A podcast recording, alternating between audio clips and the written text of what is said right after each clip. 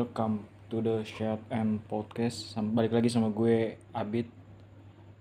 Mungkin ini dibuat agak sedikit terlambat ya biasanya gue buat setelah pertandingan langsung kayak kemarin lawan Fulham sehari sudahnya tapi ini gue buat hari Jumat karena gue mau gue mau cari-cari referensi dulu untuk apa yang mau gue bahas kali ini yang pasti yang nggak bu yang lain dan nggak bukan ya udah pasti ya.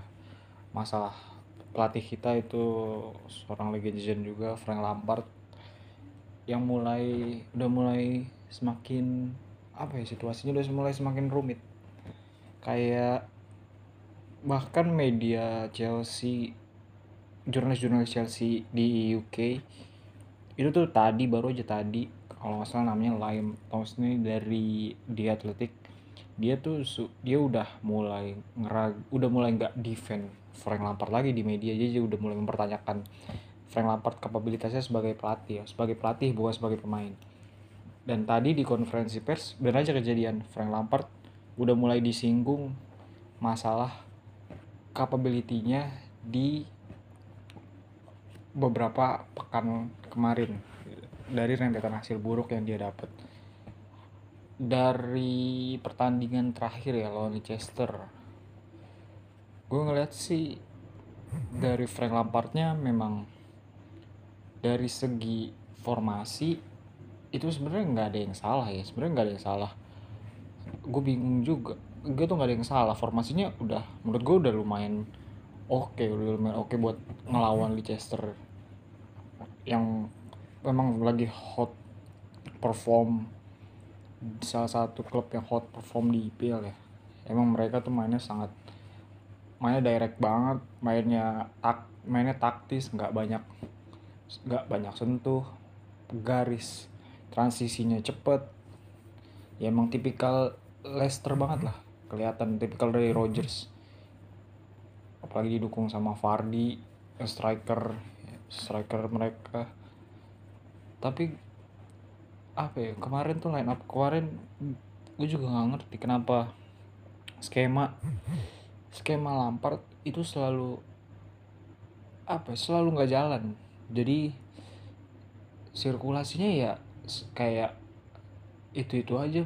Bahkan gue bilang selain posisi klasmen yang lebih buruk dari musim lalu ya di setelah, setelah setengah musim kan sekarang udah 19 kali main itu tuh selalu dari patternnya tuh selalu dari belakang di center back ke wing back wing back. Wing backnya hold bolanya kelamaan terus balik lagi ke CB jadi sirkulasinya samping belakang samping belakang samping belakang. Jadi agak bingung juga gue cara main. Nggak ngerti taktiknya atau pemainnya emang decision making pemain gue juga nggak paham.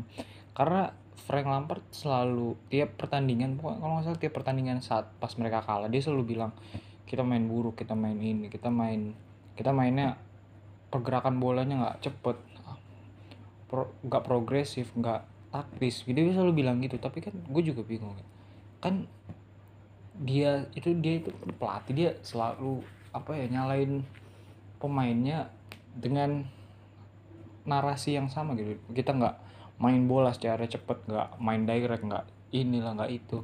Tapi kan dia kan pelatih dia walaupun gue menghargai dia sebagai legend ya udah pasti kalau pemain. Tapi kalau untuk pelatih gue juga bingung sebenarnya ini salah dia atau salah pemain juga? Gue juga mikir kadang-kadang selalu aja setiap kayak pertandingan kemarin lawan Leicester itu tuh pemain depan udah si Odoi atau Havertz itu dia suka ngalis. Leicester mainnya di babak pertama ada ting udah garis high agak main sedikit tinggi garis defense-nya. Gue juga lihat setelah match banyak juga jurnalis-jurnalis dari luar negeri dari Inggris ngebahas ngebahas ini. Jadi itu decision making dari sayap Chelsea dari si James sama Chilwell itu tuh jelek banget. Maksudnya mereka dari sek dari depan mereka udah siap lari untuk ruang. Si bola ketika bola dari Silva dioper ke James James dapat bola tuh. Ada sekitar waktu sekitar tiga detik tiga detik lah. Nah itu dari lini depan tuh udah lari. Lari nyari ruang ke depan untuk seandainya bola itu diumpan langsung ke depan main direct. Tapi ujung-ujungnya si James malah balik lagi passing aman. Gue nggak tahu ini entah keresahan gue kayaknya sih menurut gue menurut gue sih dari pemainnya ya menurut gue dari decision making pemainnya emang masih buruk sih menurut gue duh gimana ya si Rhys James sama Chilwell sebenarnya juga nggak bagus-bagus amat. Emang lagi nggak ngerti off-form apa emang mereka juga ya mainnya kayak gitu. Tapi kan balik lagi yang milih mereka berdua untuk jadi line up ya kan pelatih. Jadi mau nggak mau ini gue bisa bilang ya emang nggak 100% kesalahan pelatih gue juga setuju. Karena kan ketika mereka ketika kayak contoh Werner atau kayak Havertz mereka belum top form mungkin aja mereka selagi masa adaptasi mungkin ada hal-hal non teknis di luar lapangan yang kita nggak tahu emang ya. Karena kan kita nggak tahu juga hal-hal yang di luar teknis yang kita ketahui selain yang apa yang kita lihat di match. Tapi ya tetap maksud sa udah kemarin tuh game kemarin tuh bener-bener apa ya kalau gue dengerin dari podcast di atletiknya Chelsea yang strike out of Cobham mereka bilang ini tuh udah pemain udah nggak ada gairahnya udah nggak ada passionnya. Udah bener-bener kayak ayam nggak ada kepala udah bingung mau clueless clueless udah nggak ngerti mau udah bingung sampai bola bola udah nyampe di sepertiga lawan udah bingung balik lagi ke belakang pelan lagi pelan lagi udah bingung udah nggak clueless gitu. Udah bener-bener bingung gue nggak ngerti salahnya di mana. Tapi sering dead deadlock kayak gini tuh terus-terusan. Mau siapa pun line up-nya terus-terusan. Sama satu lagi line Lampard sampai sekarang. Juga belum pernah punya line up yang fix. Padahal kan ini satu contoh krusial ya krusial banget. Oke dia gua akuin dia memang ngerobak besar-besaran tim di awal musim tapi kan sengaja ini udah udah berjalan setengah musim tapi dia masih aja ngerombak-rombak line up.